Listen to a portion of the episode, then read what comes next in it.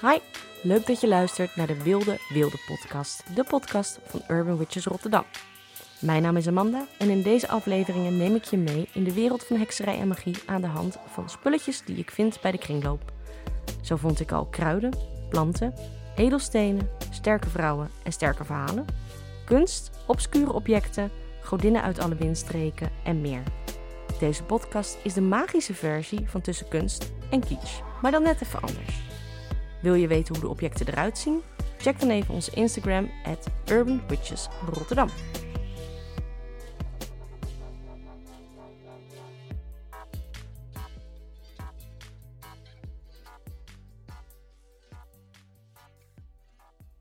Hoi, leuk dat je weer luistert naar de Wilde Wilde Koven. We zijn uh, aanbeland bij de tweede aflevering.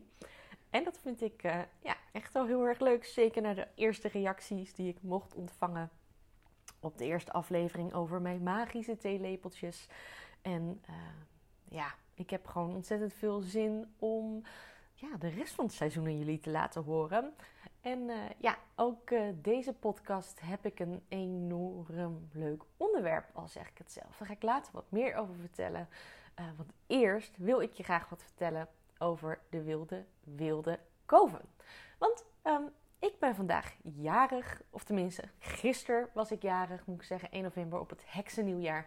En tot en met morgen, 3 november, heb ik een leuke aanbieding voor je om ja, een eerste maandje gratis lid te worden van de Wilde Wilde Koven. Dus mocht je daar geïnteresseerd in zijn om een leuke groep uh, gelijkgestemde mensen te ontmoeten die zich ook bezighouden met hekserij en magie, kom dan vooral eventjes checken of je dat wat vindt. Um, dus zover de verhalen over de Wilde Wilde Koven. Lees ook vooral wat je er zelf van vindt en of je het interesseert. Even op urbanwitchrotterdam.nl en dan duiken we nu direct lekker in de aflevering. Want het was afgelopen weekend Samhain, oftewel winternachten, ook wel de dodenminnen genoemd. Um, in Mexico noemen ze de Dias, de las Muertas. Um, in het katholieke geloof kennen we het als Allerheiligen en Allerzielen. Ja, het zijn allemaal feesten rondom de dood, de laatste oog en, de oogst en met namelijk ja, de vergankelijkheid van het leven. Um, afgelopen keer hebben we met de Wilde Wilde Koven een, een schaduwwerk intensief gedaan, wat heel mooi was. En ging dan over afscheid en over de dood en wat je los wilt laten. En vooral ook wat je achter wilt laten dit jaar. Um, dat was heel erg bijzonder. Dit is echt een periode ja, waar de dood heel erg voorop staat. Um, en het onderwerp wat ik daarvoor dus heb uitgekozen past daar heel erg goed bij. Uh, want dat is namelijk, uh, ja, dat zijn paddenstoelen. We gaan het deze aflevering hebben over een specifieke paddenstoel. De paddenstoel is sowieso eigenlijk een hele andere categorie dan dat we normaal gesproken, uh, ja, als we naar de natuur kijken, naar kijken. Dat realiseer ik me eigenlijk pas dit weekend. Want we hebben het altijd over flora en fauna. Um, maar weet je, die, die paddenstoel is geen flora en is geen fauna. Het is fungi. Dus als je het wat completer wilt hebben, dan hebben we het dus over flora, fauna en fungi. Um, en het gave van fungi's paddenstoelen is, is dat ze ja, um, een hele belangrijke functie in de natuur hebben. En dat is namelijk het opruimen van afval. Um, dus dode bomen, dode bladeren, eigenlijk alles wat ja, um, opgeruimd mag worden, getransformeerd mag worden, is wat ja, de paddenstoel doet. En dat is natuurlijk ja, ook uh, iets wat je nu heel erg kan zien. Het paddenstoelenseizoen is heel erg laat dit jaar. Ik heb Samhain zelf te vieren, heb ik een heerlijke paddenstoelen uh, ja, uh, loopje, wandeling gedaan in de regen dit weekend. was fantastisch, heerlijk, geweldig, prettig om te doen. Ik was zeiknat, echt zeiknat. Um, en eerst zat ik een beetje te balen dat ik nog geen paddenstoelen kon vinden en dat ze allemaal zo klein waren. Maar goed, toen ben ik in een soort kruipdoor, sluipdoor modus geschoten en dan ben ik de bosjes en de takjes en nou ja, eigenlijk erin gedoken zodat ik gewoon helemaal zeiknat werd. En toen vond ik ze opeens overal van een soort kleine elfendorpjes, kabouterdorpjes tot en met uh, kluifzwammen heb ik gezien. Ik heb inktzwammen gezien. Ik heb die tepelzwammen gezien waarvan ik nooit weet hoe ze nou echt heten. Um, maar nog niet de paddenstoel waar ik het vandaag met jullie over wil gaan hebben. Want dat is namelijk de vliegenzwam, de Amanita. Maar voordat we het over de Amanita muscaria gaan hebben, oftewel de paddenstoel rood met witte stippen, stel ik je voor aan mijn assistent Angie. Toch? Nee? Nou ja, misschien hoor je er misschien niet. Ze wil er altijd bij zijn als ik een podcast opneem. En dan gaat ze ook altijd op mijn telefoon zitten, of op mijn boekje, of op mijn. Nou ja, eigenlijk alles wat ik nodig heb om een fatsoenlijke podcast te maken. En meis. Mm. Maar goed, ik realiseerde me eigenlijk uh, naar aanleiding van de vorige aflevering dat ik ja, eigenlijk helemaal niet verteld heb wie ik ben, of wat ik doe, of wat Urban Witches is. Dus ik dacht, laten we de eerste aflevering een beetje beschouwen als een teaser. En dan kan ik deze aflevering iets uh, ja, dieper ingaan op wie ik ben en waarom ik deze podcast maak. Nou, zoals ik al vertelde, mijn naam is Amanda slash Atropa op de interwebs. En um, ik hou mij sinds ongeveer mijn dertiende bezig met hekserij en magie. Um, je moet je voorstellen, ik had zakgeld en ik uh, fietste in de regen. Nee, niet in de regen, dat maakt heel dramatisch. Um, naar de boekenvoordeel en ik kocht daar mijn allereerste schorpioenen astrologieboekje. Want ik ben van 1 november, uh, de schorpioen. En ja, mijn eerste wierook in zo'n esoterisch winkeltje. En nou ja, dat heeft me eigenlijk al vanaf kinds af aan hebben dit soort onderwerpen me gegrepen. En in de loop der jaren ben ik me steeds meer gaan verdiepen en bekwamen in hekserij en magie.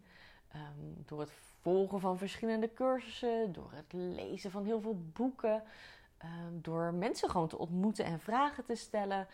Um, en uh, nou ja, zoals het wel vaker gaat in je leven, komen dingen met golven. Ze komen en gaan, soms heel intensief, soms is het wat meer op de achtergrond. Maar ik kan denk ik wel rustig zeggen dat nou ja, toen ik een jaar of 13 was en mijn allereerste ritueeltje doet, deed. En dat was met Sauwen, op 31 oktober overigens al mijn allereerste ritueel. En toen ging ik met mijn vriendinnetje uh, uit de straat uh, ja, achter de begraafplaats zitten. En dat was niet expres, want wij woonden gewoon naast een begraafplaats. Um, en daar deden we vuurtje steken, een vuurtje, een vuurtje stoken.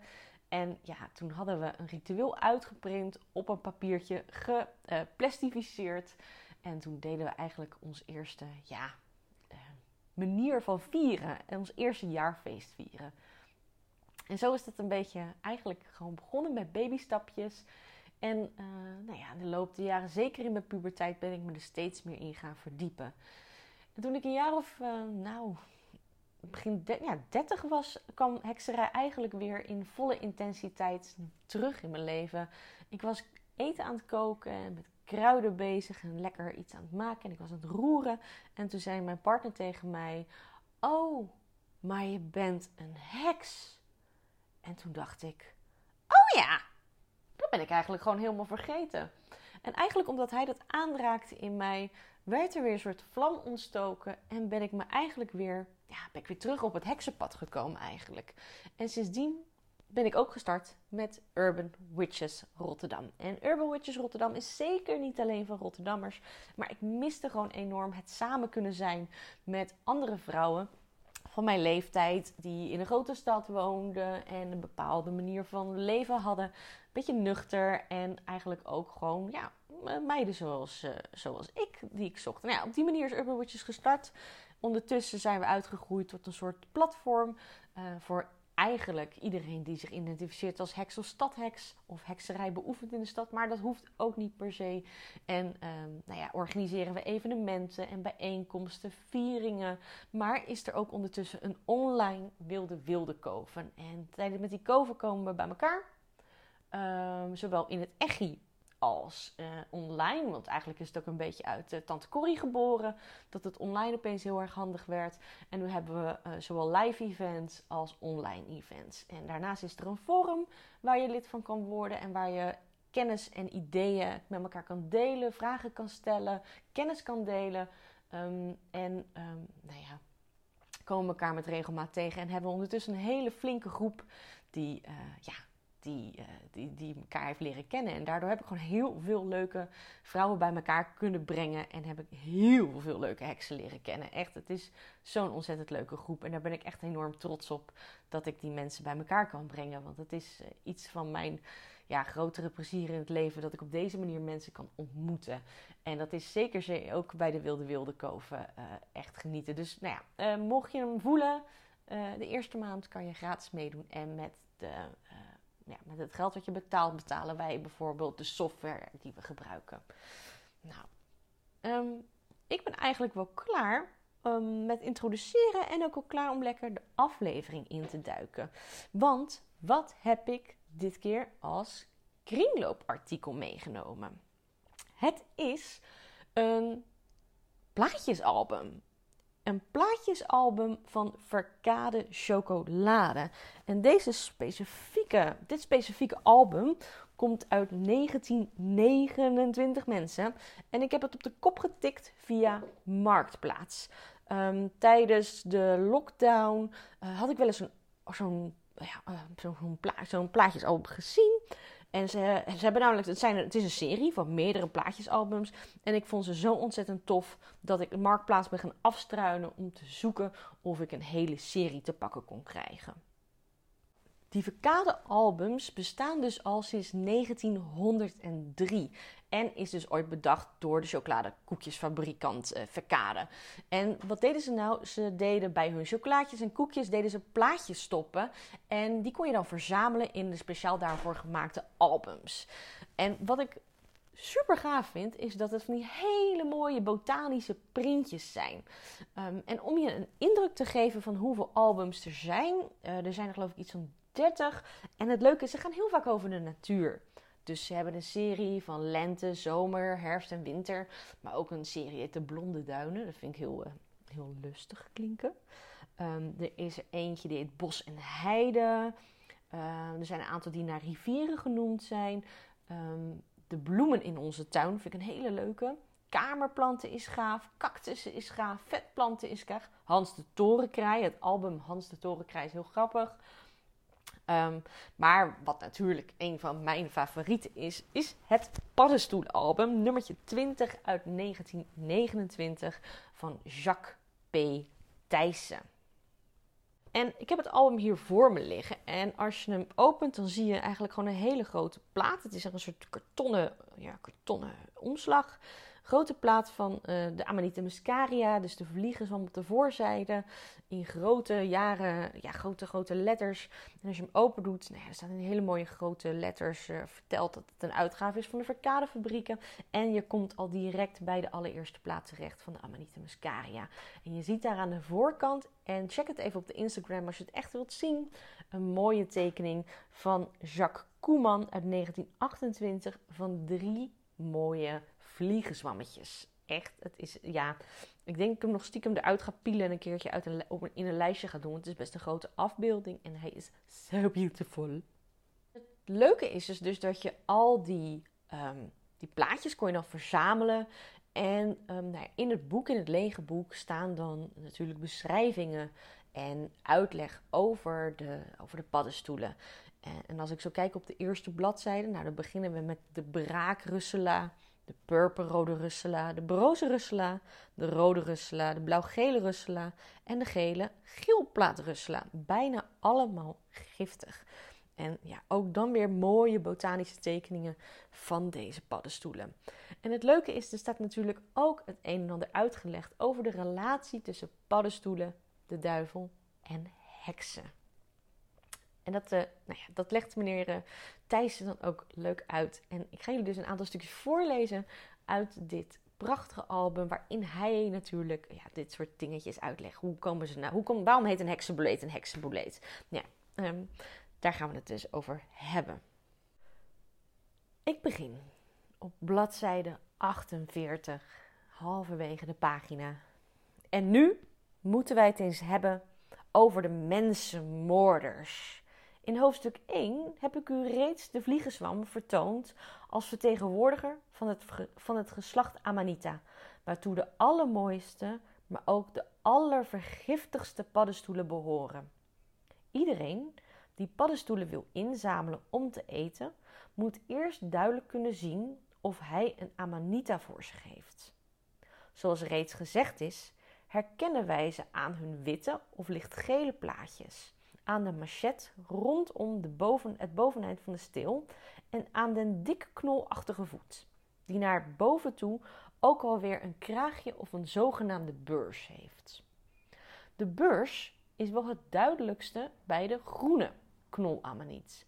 De Amanita phalloides. Phalloides? Ja. Het is een beetje oud-Nederlands en Latijn. Beide spreek ik niet vloeiend.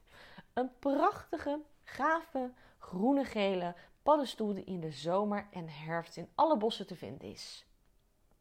Met hem verwant zijn de, de gele knolamaniet, de Amanita mappa, en de gele amaniet, de Amanita junquelia. Beginners kunnen ze niet makkelijk van elkander onderscheiden, maar dit hindert niet, men moet ze toch allemaal mijden. Het zijn deze drie die onbegrijpelijkerwijs nog dikwijls verward worden met champignons. Nog eens, witte platen en de beurs aan de voet zijn kenmerken van de dodelijke amanitas. De manchet komt zowel bij de amanitas als bij de goed eetbare champignons voor. Het ergste is wel dat de amanita's er altijd bekoorlijk uitzien, nog door geur, nog door smaak hun giftigheid verraden. Wanneer ze toebereid worden als de gewone champignons, dan leveren ze een smakelijk gerecht. Het is voortgekomen dat een gezin van vijf personen een stevige maaltijd gebruikte van amanitas en zonder erg zich te en zonder, zonder erg zich te berust gaf. Nou ja, ik denk dat ze gewoon dood gingen. Het gif van de amanitas begint zich pas merkbaar te maken na 8 tot 20 uren. Den volgende dag kregen die vijf mensen dan ook afschuwelijke buikpijnen, vergezeld van de buikloop en braking. De dokter constateerde dadelijk paddenstoelenvergiftiging en deed al wat hij kon om de mensen te redden. Maar het tweetal die het meest gegeten hadden, bezweken den tweede dag. De anderen haalden het met moeite op. Het vergif dat in Amanita schuilt, heet muscarine of amanitine en werd in dat Amerikaanse geval bestreden met een tegengif, atropine. Het, dodelijke, uh, het gif van de dodelijke wolfskers of de belladonna. Ook in ons land zijn nog dikwijls amanita-vergiftigingen voortgekomen en dat legt aan ieder die zijn naaste wil aansporen om paddenstoelen te eten de verplichting op om het allereerst een flinke schrik te bezorgen voor de Amanita's en met hem die giftzwammen duidelijk aan te wijzen. De narigheid van het geval is dat de Amanita's gelijken op de goede champignons, doch die gelijkenis is oppervlakkig en de verschillen zo duidelijk dat niemand zich behoeft te vergissen. Nou, die amanita, hè, die lijkt natuurlijk echt voor geen meter op een champignon zoals die meneer Thijssen zet. Het is een, eh, een, ja, een, een eh, paddenstoel rood met witte stippen. Een champignon is grijs. En als het kastanje champignon is, dan heeft hij een hele andere kleur. Maar goed, echt serieus. Zoals meneer Thijssen zegt, de gelijkenis is oppervlakkig en de verschillen zijn nogal groot. Um, Damanita heeft heel veel associaties met heksen en hekserij. Met kabouters, hè. Ik zag een grote paddenstoel met witte stippen. Daar kwam een kaboutertje heen en weer te... Nou ja, je kent hem waarschijnlijk wel. En dat is niet alleen vanwege zijn giftige uh, eigenschappen, maar ook met name vanwege zijn hallucinerende eigenschappen. Um, en daar ga ik natuurlijk ook iets meer over vertellen, want de vliegenzwam zat onder andere in heksenzalf. Voordat ik wat vertel over de heksenzalf, lees ik iets verder. Um, de vliegenzwam is niet vergiftig, maar erger. De beroemde Duitse paddenstoelenkenner Michael heeft het rode velletje eraf getrokken en daarna de paddenstoel gegeten. Hij ondervond geen slechte gevolgen, maar kon de spijs toch niet roemen. Merkwaardigerwijze hebben de Siberische volkstammen ontdekt dat het vel van de vliegenzwam bedwelmende eigenschappen heeft. En die stakkers gaan zich daaraan te buiten. Hoewel de gevolgen nog veel en veel erger zijn dan die van het misbruik van opium, hashish en al die ellendige bedenksels. Een amaniet, die we ook in den zomer veel te zien krijgen, vooral in de zandstreken van het oosten van ons land, is de parelamaniet, de Amanita rubescens. Deze is ongevaarlijk, zelfs eetbaar en wordt in Engeland op grote schaal gebruikt. Zoals de naam al aanduidt, is hij rossig, de hoed is lichtbruin en het vlees roodachtig. Ook de voet is bruinig. Bovenop den hoed blijven evenals bij de vliegenzwam brokjes zitten van het oorspronkelijke omhulsel. Ik vind het een heel mooie paddenstoel en omdat hij zo algemeen voorkomt, hebben wij hem dan ook afgebeeld in het boek. Echter mag ik u niet aanraden om hem te gaan eten, want er is een kansje dat je in plaats van de Amanita rubescens een andere zou nemen en deze wel de panteramaniet, de Amanita pantherina. Die ook bruinig is, met vele witte schupjes bovenop den hoed. Hij is te onderscheiden aan de voet, die boven de knol met beurs nog een paar ruweringen heeft. Een pracht van een paddenstoel. Van de boleten heb ik u verteld dat we ze bijna allemaal kunnen eten. Ik behoef u hier slechts twee soorten te noemen die we niet in den pot mogen stoppen. De vergiftigde Satansboleet, Boletus, Boletus santanas en de bittere boleet, de Boletus felius. De Satansboleet is eveneens als de heksenboleet een van de verkleurende boleten. Gij herinnert u dat de heksenboleet verkleurde van geel tot blauw. Wanneer we een satansboleet doorbreken of doorsnijden, dan verkleurt, hij van rood naar blauw naar groen. Overigens lijkt hij dan weer veel op de heksenboleet en verschillen zijn alleen goed merkbaar bij jonge exemplaren. Want als deze boleten ouder worden, dan veranderen zij ook van kleur en hun verkleuringen. Ik lees ergens dat de Satansbeleed alleen op kalkhoudende grond zou voorkomen. We moeten hem dus vooral zoeken langs de duinen en in Zuid-Limburg.